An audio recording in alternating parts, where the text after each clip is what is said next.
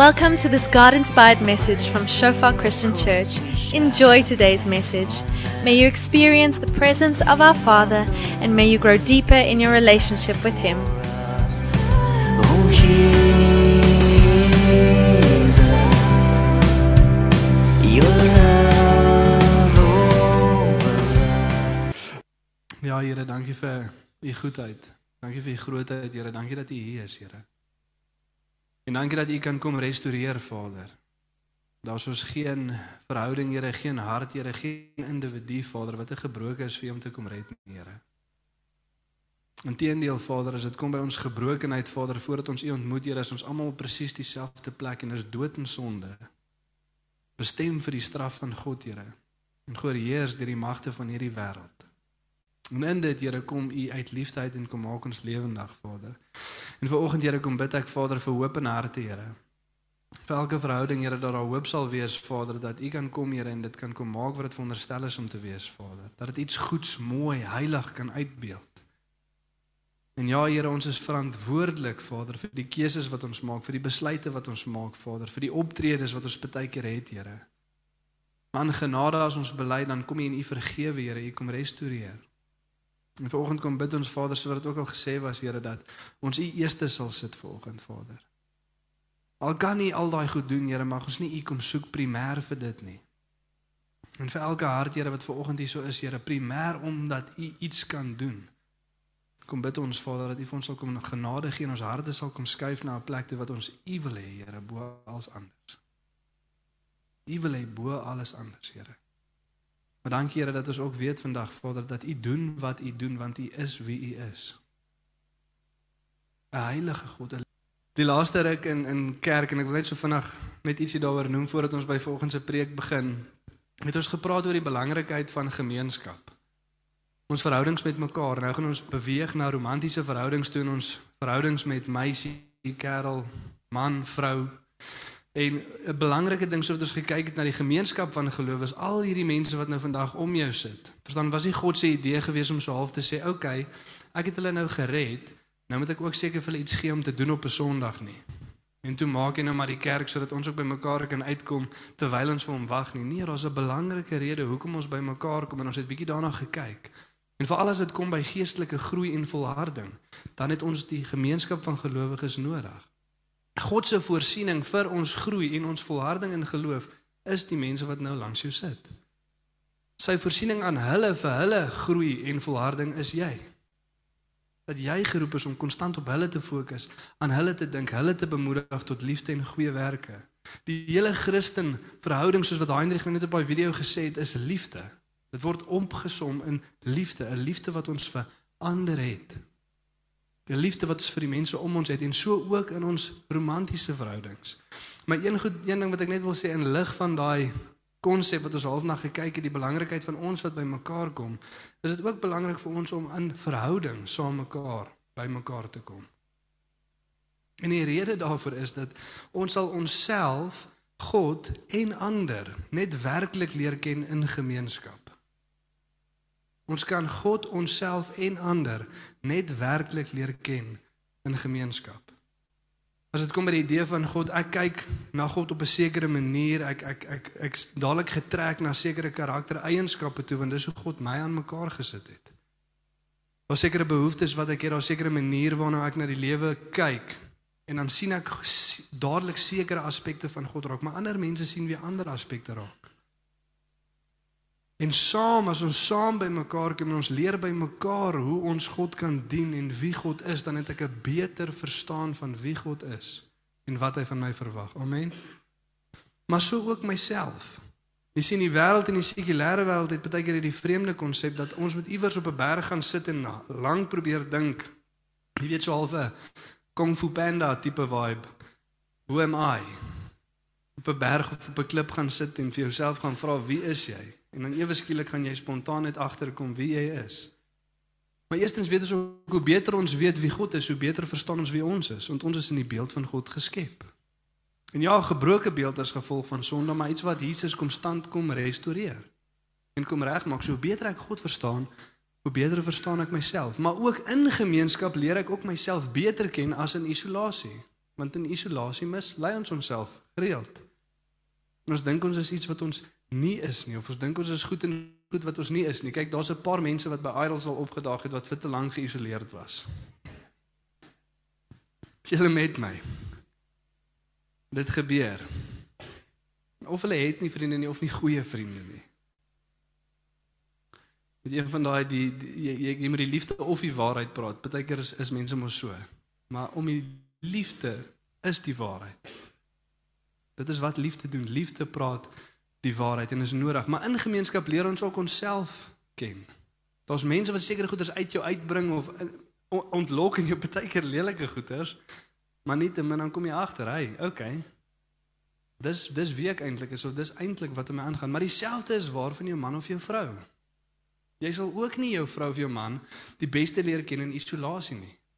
Ja, dit is goed om gereeld tyd alleen saam mekaar te spandeer, maar jy gaan nooit mekaar daad teen volle leer ken nie. Hoekom? Want ons sekere goeders wat jy nie uit jou vrou uit kan bring nie wat ander mense kan. Hulle het ander gawes. Hulle het 'n ander manier van liefde en goeie werke opwek wat jy nie noodwendig het nie.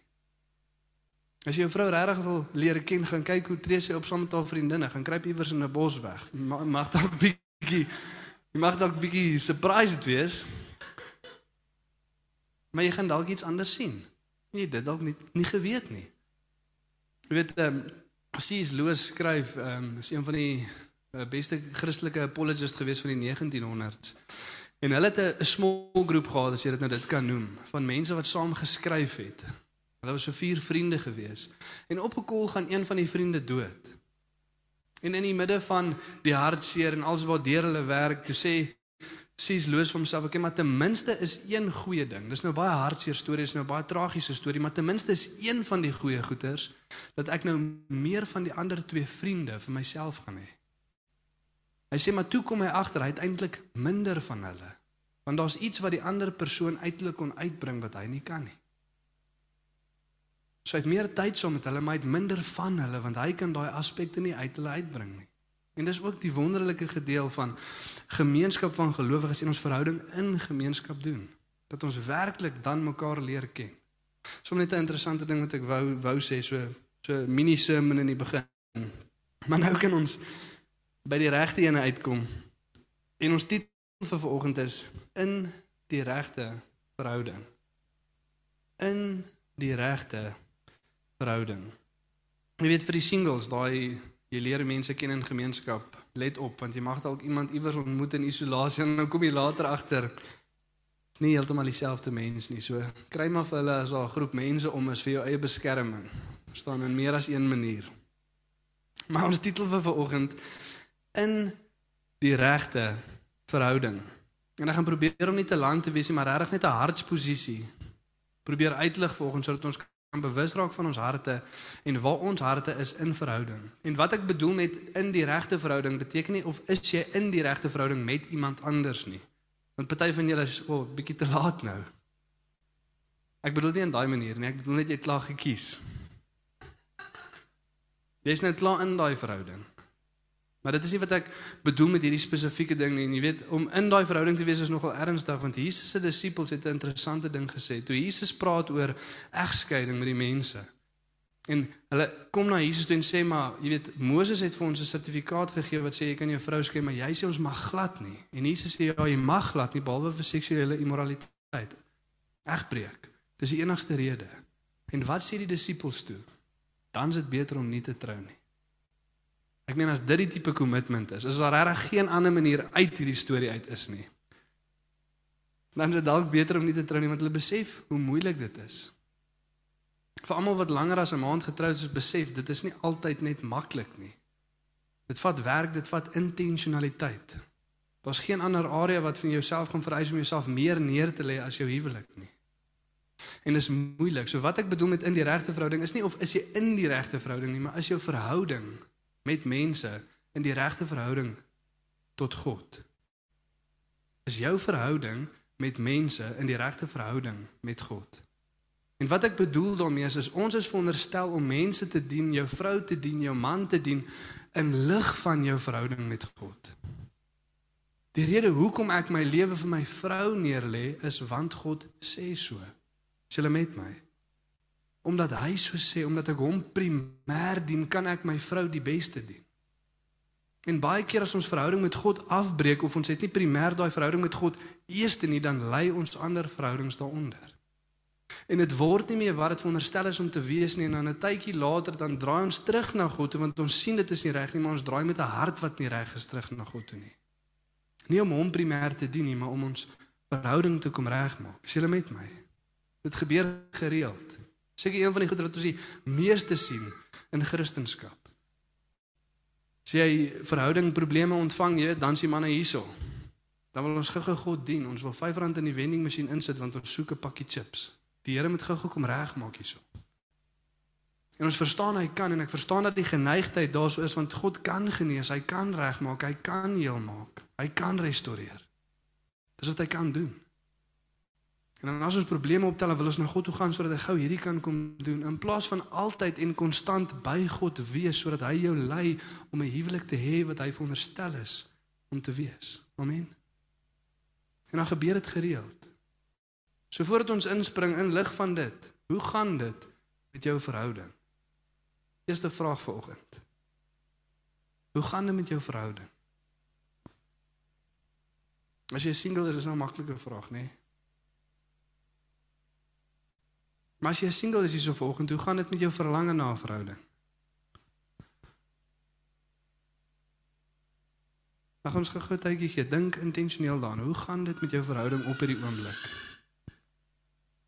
Goed, sleg, average, middelmatig, vorentoe. So 'n woord wat ek en Robin aangeleer het, baie keer gaan dit net vorentoe. Ons staan ten minste nie stil nie. Ons gaan vorentoe. Tweede vraag, hoe gaan dit met jou verhouding met God?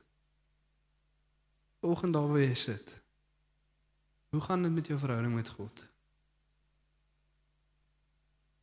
Jy gee ons so net 'n tydjie om regtig intentioneel gou daaraan te dink. Hoe gaan dit?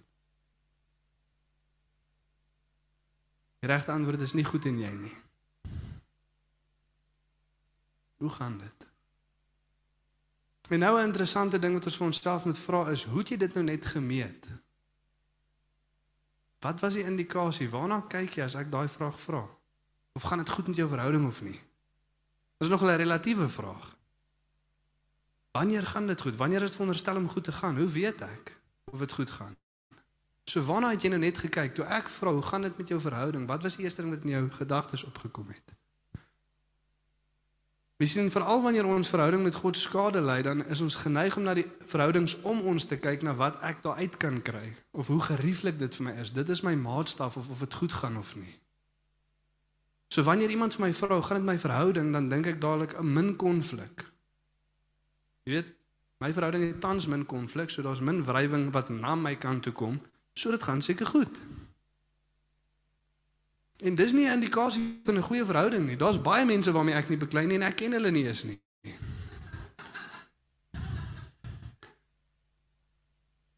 So dit kan definitief nie die indikasie wees van 'n goeie verhouding nie. Inteendeel, daar is baie keer gesonde wrywing nodig. Amen.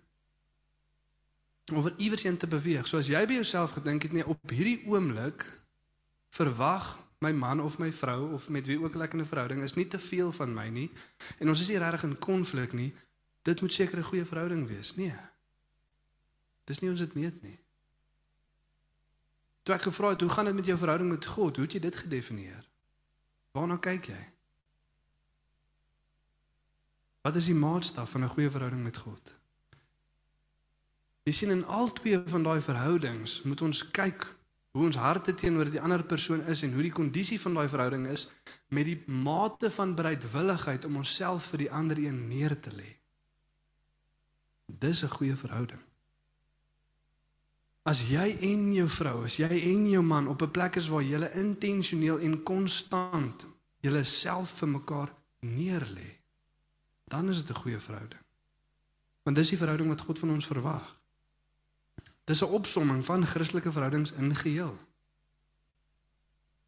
In nederigheid ag die ander hoër as jouself. Moenie net in jou eie belange dink nie, maar aan die belange van ander. Hê hierdie gesindheid wat in Jesus Christus was. Dit is die Christelike Huwelik, dit is die Christelike verhouding, dit is die maatstaf. Selfs met ons verhouding met God. My verhouding met God is nie gebaseer op 'n gevoel nie. sien baie keer is ons geneig om ons verhouding met God te te baseer op ons omstandighede. Nee, dit gaan nogal goed met my verhouding met God want my omstandighede is oukei. Okay. Ek sukkel nie te veel in my omstandighede nie. Ek is tevrede. My my my verhouding gaan alright. My inkomste lyk oukei. Okay, my familie is gesond. So dit gaan seker goed met my verhouding met die Here. En dan baie keer dan gaan dit nie so goed in ons omstandighede nie. Dan dink ons ons verhouding met God is nie goed nie. Want ons dink as dit goed was, dan sou hy sekerlik vir my voorsien het. Of vir my gegee het wat ek wou hê. En die hele fokus is op jouself geplaas. Op wat jy kry en wat jy ontvang in plaas van wat jy gee. Om te kyk of jou verhouding met God op 'n goeie plek is met jouself vra, hoe bereidwillig is ek om my konstant vir God neer te lê en hom te gehoorsaam wat ook al hy vir my sê. Amen. Dan is my verhouding op 'n goeie plek as ek myself bruikbaar stel vir God om hom te gehoorsaam wanneer ook al hy so sê. En in elke area van skrif. Jy sien een vrou kom die naweek ook op by by Wellington en sy deel het die woord dat baie keer vra ons vir die Here, hoekom hoekom voel hy so ver? Hoekom is dit so moeilik om om met God verhouding te bou? Hoekom is dit so moeilik om tot hom te nader of hoekom ervaar ons nie sy teenwoordigheid nie? En dan lyk dit amper asof ons ons hand na God toe uitsteek. Maar God steek ook sy hand uit, maar is net in 'n area waar ons hom nie wil vat nie. Ons wil nie met daai ding deel nie, Here. Kom ons los my ongehoorsaamheid daarso en kom ons fokus op my vrou se. Is jy met my? Ons doen dit baie keer. Maar die Here is besig om sy hand uit te steek en hy wil met sekere goeders werk en in sekere areas van jou lewe werk, maar daar wil ons nie sy hand vat nie want ons wil nie daarin werk nie. Ons wil nie daarop fokus nie. En as my verhouding met God goed is, dan ontvang ek sy hand in elke area van lewe. Nie net party nie. Maar wat ook al God sê, dit doen ek. Wat ook al hy van my verwag, daar tree ek in. En dan vloei dit uit in my verhouding met my vrou. Kom ek lees vir ons Efesiërs 5 van vers 21 tot 33 en dan gaan ons net by een vers vanoggend stil staan. Wat is verhoudingsmaat nou as ons nie met Efesiërs 5 begin nie, nê? Vers 21. Wees uit eerbied vir Christus aan mekaar onderdanig. Daar is die opsomming. Dis waarop dit neerkom. Omdat my verhouding met God reg is, omdat ek respek vir God het en omdat ek hom wil eer, dan doen ek wat hy sê in lig van my verhoudings met ander mense. En hoe dit lyk, vrouens, wees aan julle mans onderdanig, net soos julle aan die Here onderdanig is. Die man is die hoof van die vrou soos Christus die hoof van die kerk is. Christus is ook die verlosser van die liggaam sy kerk. Soos die kerk aan Christus onderdanig is, moet die vrouens in alles aan hulle mans onderdanig wees. En nou moet ons hierso verstaan want dit dit lyk nou amper dieselfde as die Romeinse kultuur in hulle tyd, die Romeinse kultuur. In die Jood, ou Joodse kultuur en in die Romeinse kultuur was vrouens geforseer om onderdanig te wees. Maar nou sê God, dis nou nie 'n geforseerde ding nie. Jy is vry in Christus, maar oor jou verhouding met God verwag hy van jou om dit vrywilliglik te doen. Né? Nee?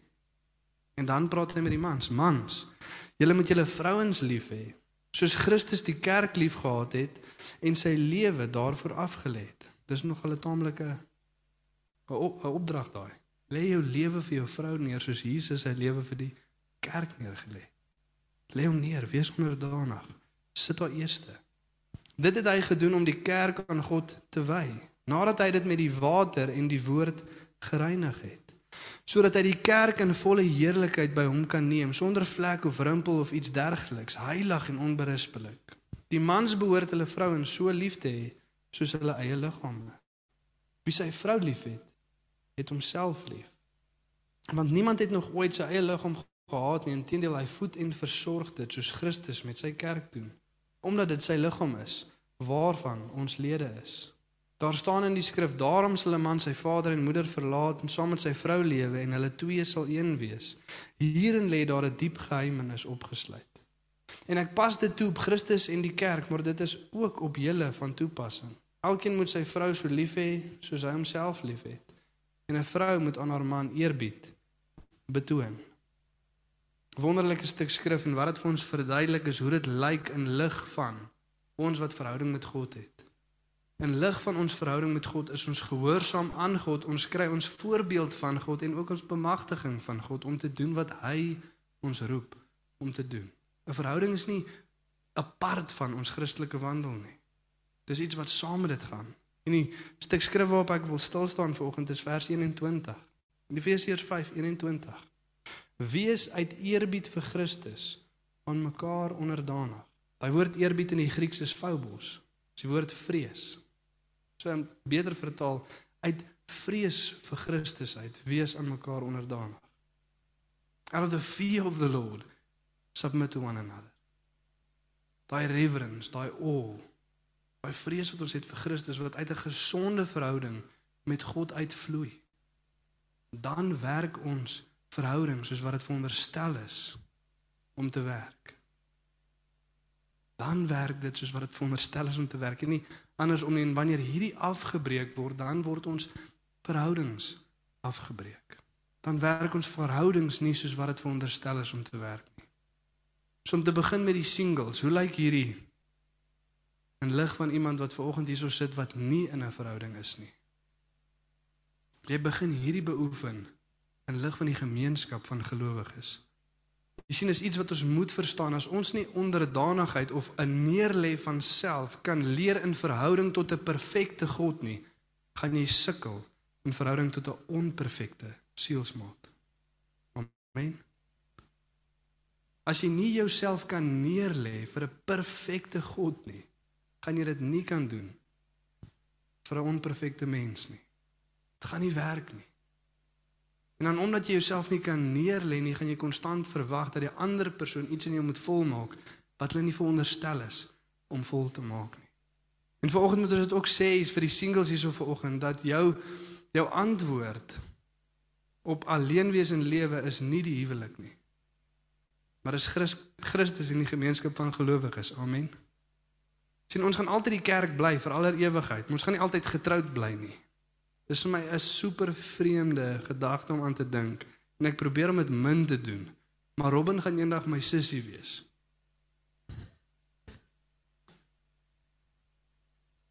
Sy lê met my. Mense, word dit nie gereeld doen nie, maar wees net bewus daarvan. Maar ons gaan nie vir ewig getroud wees nie. In, in die hemel gaan ons nie getroud wees nie. Dis nie 'n ewige ding nie. Dit wys na 'n ewige ding toe wat ons gaan in die bruilofsfees met die lam betrokke wees. Nog 'n vreemde gedagte vir ons mans ten minste. Maar die rolle gaan omruil eendag. Maar iets wat ons moet besef, en vir die singles hier vanoggend moet jy dit besef. Uit eerbied vir Christus, wees mekaar onderdanig. Leer dit hierso. Leer in verhouding met God om jouself neer te lê en die kerk te dien en dan wanneer jou man of vrou eendag kom, dan is dit net nog 'n area waar jy God dien. Dan hoef jy nie neer lê van self oor te leer want nou wil dit vir jou van waarde wees nie. Nee, jy het klaar geleer. In lig van 'n heilige God. In lig van 'n heilige God. En om te verstaan of jy hierdie ding reg verstaan vir ons wat single is, as jy nou moet bid wel vir julle wat single is. Ekskuus my vrou, jy sit net nie ek's nie single nie. Maar vir die wat single is, om te verstaan of hierdie regtig jou hart is uit eerbied vir God aan ander onderdanig te wees. As jy bid, bid jy vir die regte sielsmaat of bid jy sodat jy die regte sielsmaat sal wees? Volgende, net waar jy sit. Wat bid jy? Here, stuur die regte persoon of Here, maak my die regte persoon. Want die persoon wat konstant bid, stuur die regte persoon, verstaan hierdie nie heeltemal reg nie. Die hart is andersom. Ek's besig om God te dien om vir my iets te gee in plaas van om God te dien om my iemand te maak om vir iemand te gee. Dis 'n verskil. Amen. Vir die wat nou nog nie getroud is nie, hoe lyk hierdie in jou lewe? Uit eerbied vir Christus, doen wat Christus sê, uit respek vir hom, uit, uit vrees vir God, uit doen verhouding soos wat God verhouding wil doen. Hou die huweliksdinge vir die huwelik. Nee? Amen. En moet jy so verstaan dat hierdie gee vir mekaar, dit die skrif sê sê hierso omdat ons 'n goeie verhouding met God het, omdat God homself vir ons gegee het, kan ons onsself aan mekaar gee. Nee op jou huweliksdag het jy nie 'n vrou gekry nie, jy het jouself vir 'n vrou gegee. Vir die vrouens op jou huweliksdag het jy nie 'n man gekry nie, jy het jouself vir jou man ge gee. Dis 'n gee proses wat daarso gebeur. En wanneer ook ons as enkeles of mense wat nog nie getroud is nie, die voordele van die huwelik wil hê sonder om te trou, dan sê ons dat ek wil al sê wat jy het, maar ek wil myself nie vir jou gee nie. Is julle met my? Presies die teenoorgestelde wat God van ons verwag. Ek wil al sê wat jy vir my kan gee. Ek soek die seksuele verhouding, ek soek die intimiteit, maar ek gaan nie die kommitment maak om myself ook te gee in die huwelik nie. Hou die huweliks goed vir die huweliks goed. En doen dit soos wat God wil hê dit moet doen. Dis hoe dit lyk in lig van 'n single mens wees. En vanoggend as jy agterkom dat dis dalk nie jou hart nie.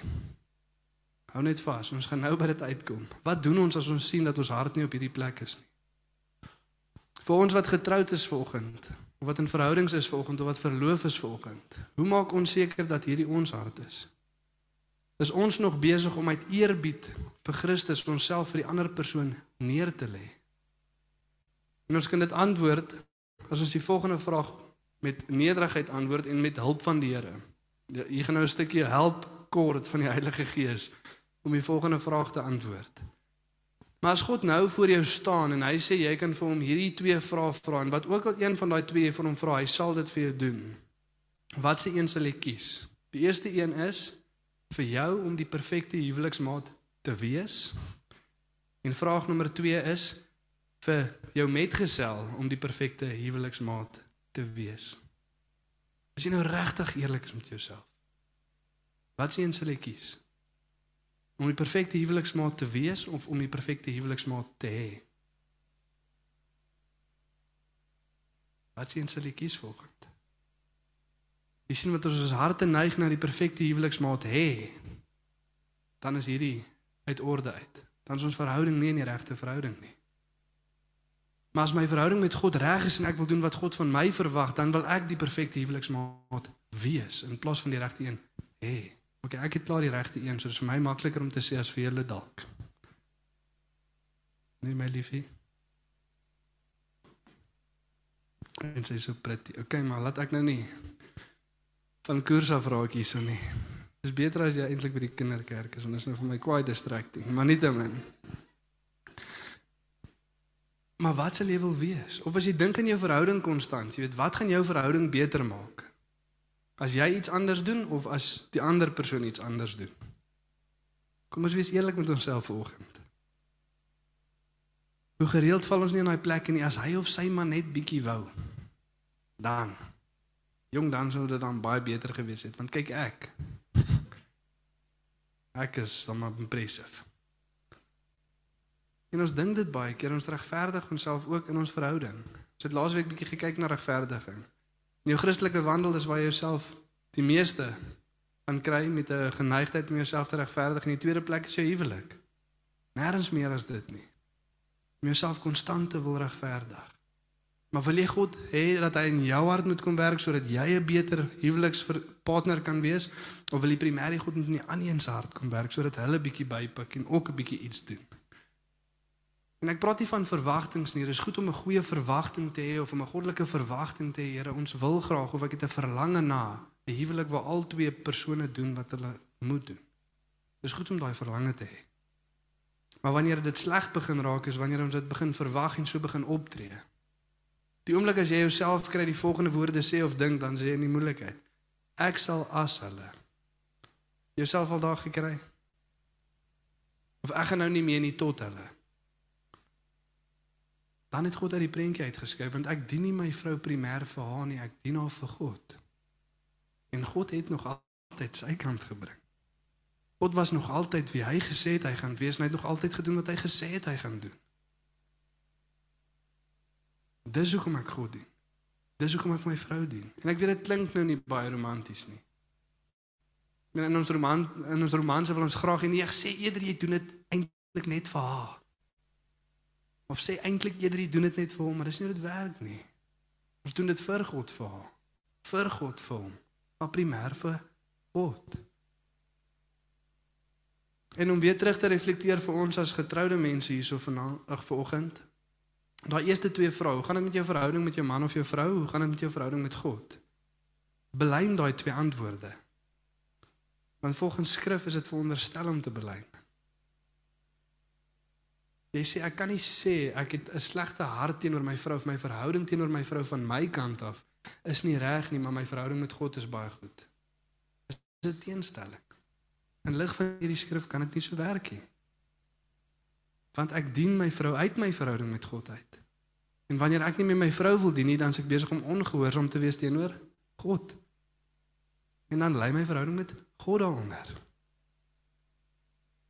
En wanneer daai verhouding begin afbreek, dan gaan jy of begin passief sit en wag totdat almal jou dien, jy gaan verwag van God om jou te dien, jy gaan verwag van jou vrou of jou man om jou te dien, of jy gaan God begin dien vir die verkeerde rede. Jy gaan God begin dien sodat hy kan regmaak die ander persoon of sodat hy die verhouding kan genees of sodat hy kan kom fix. Weer as 'n storie van 'n oulike storie van 'n 'n arm boer wat in 'n koninkryk gebly het. En op 'n dag gaan hy na die koning toe om vir die koning dankie te sê dat hy so goed heers oor die mense. Is regtig 'n goeie koning, regtig 'n liefdevolle koning en geregtigheid heers hy oor hierdie land. En hierdie arm boer wil net vir hom gaan dankie sê. En op 'n dag kom die arm boer daarso en hy sê hier is die beste wortels wat ek in my lewe nog ooit gegroei het. En ek wil net hierdie wortels vir jou kom gee om vir jou dankie te sê dat jy so 'n goeie koning is. Dat jy so mooi oor ons heers, so regverdig is met ons. En soos wat die arm boer die wortels neersit en opstaan en begin wegloop, sê die koning: "Wag. Ek wil vir jou ook iets doen." En hy sê vir een van die soldate: "Vat hierdie wortels en gaan weeg jy dit. Dan gee jy vir hom dieselfde hoeveelheid silwer in daai gewig, dieselfde hoeveelheid goud en dieselfde hoeveelheid juwele in daai gewig. En die soldaat gaan vinnig en hy doen dit en hy gee dit vir die arm boer. En daai dag word hy 'n ryk boer. En hy gaan terug na sy huis toe in dankbaarheid. En een van die soldate wat daar staan sien hierdie storie afspeel en hy dink by homself, "Ja, dis nou nogal 'n lekker ding." En hy gee dit net so 'n paar dae om nou nie te vreemd te wees nie. En na so 'n paar dae bring hy sy perd na die koning toe en sê Jesus koning, ek wil net vir jou dankie sê. Dankie dat jy so goeie koning is en so mooi oor ons heers en so liefdevol teenoor ons optree en in geregtigheid hierdie koninkryk bestuur. Hier is my beste perd. En die soldaat staan so 'n bietjie daar rond en hy kyk so 'n bietjie rond en die koning sê vir hom: "Jy verwag seker dat ek nou dieselfde vir jou moet doen wat ek vir die arme boer gedoen het." En die soldaat sê toe: "Ja, dit sal baie nice wees." En die koning sê die probleem is die arm boer het die wortels vir my gegee, maar jy het daai perd vir jouself gegee. En baie kere dan doen ons dit met God. Dit lyk presies dieselfde. Ons sien God kan genees. Ons sien hy kan verhoudings regmaak en ek sien myne is nou besig om onder te lê want ek het nie gedoen wat ek veronderstel was om te doen nie. En in plaas van om in nederigheid voor God te gaan buig en my hart voor hom te gaan neerlê, dan dien ek hom vir die verkeerde redes. En baie keer is ons nie eerlik met onsself nie. Ons probeer onsself hard oortuig dat ons besig is om God te dien vir wie hy is in plaas van wat hy kan gee, maar dit is nie die geval nie. En dan sien ons dit keer op keer as die verhouding weer reg is of as die huweliksmaat kom, dan is die persoon weg. Want hulle het net klaar die goud en die silwer by die koning gekry. Hulle wou nie hom dien opreg vir wie hy eintlik is nie. En vanoggend soos wat ons reflekteer op hierdie soos wat ons nou net daai vrae beantwoord het oor ons verhoudings en soos wat ons reflekteer op ons harte teenoor God en teenoor mekaar, waar is jou hart vanoggend? Waar is jou hart teenoor God?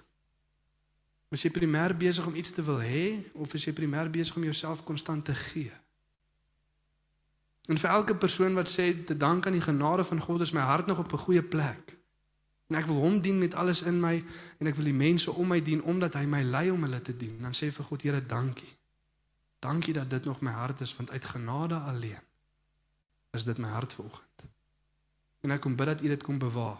Maar vanoggend as dit nie jou hart is nie. Vanoggend as jy konstant fokus op wat die ander persoon in die huwelik moet doen of wat God moet doen, Here, as U net hulle kan help of as U net ons kan help of as U net ons kan red of as U net ons vir hierdie ding net vir ons kan doen. As dit jou hart is vanoggend. Bring jou hart in nederigheid net so na God toe. Wie sien die fout wat ons baie keer maak is ons sien dat ons harte is nie reg nie en dan probeer ons hart voorgee. Dat dit eintlik nou oukei okay is. Maar dis nie wat God ons roep om te doen nie. Soos ons laasweek gesien het, bring jou hart in waaragtigheid, in opregtheid na God. Laat ons tot hom nader met 'n waaragtige hart.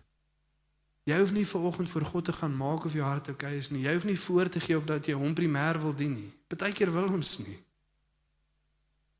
Maar die wonderlike nuus van die evangelie is dat Jesus Christus kom en selfs in ons selfsug, selfs in ons belydenis wat baie keer selfsugtig is, wat iets van God wil hê, selfs in dit kom genees hy nog steeds en hy kom draai ons harte na hom toe. Amen. Soos jy vanoggend agterkom dat jou hart is nie in hierdie plek teenoor God nie. Erken dit teenoor God. Erken dit teenoor God. Ons kan die regte goeders dink, maar ons kan nie ons harte verander nie, soos ons laasweek gesê het. Ek kan nie nou kies dat my hart eweskielik anders is nie. Ek kan nie nou kies dat ek God meer wil dien as eintlik 'n vrou wil hê of 'n man wil hê of 'n verhouding het wat reg werk nie. Ek kan dit nie kies nie.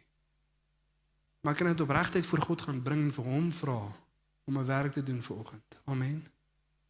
Kom ons staan vanoggend en dan bid ons lekker saam.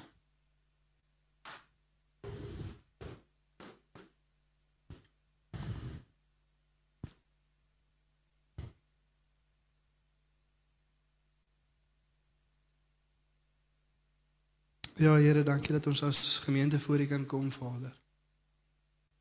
En vir elkeen van ons Vader, maak nie saak in watter deel van lewe ons is nie, Vader, of ons enkel lopend is, Here, in 'n verhouding is, verloof is, getroud is. Waar ook al ons onsself op hierdie oomblik mag bevind, Here.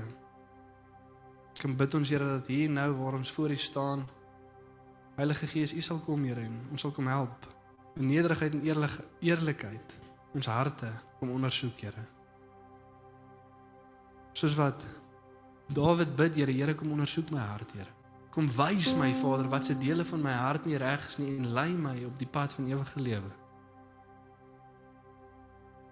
Kom wys ons die kondisie van ons hart, Here. Kom wys ons Vader waar ons U soek vir wat U kan gee in plaas van wie U is, Here. Kom wys ons Here waar ons na ons mense met wie ons in verhouding stap toe gaan, Here, met 'n verwagting dat hulle hulle self moet gee, maar ons is onbereidwillig, Here. Ons konstant fokus op dit wat die ander een verkeerd doen in plaas van dit wat ons moet reg doen, Here.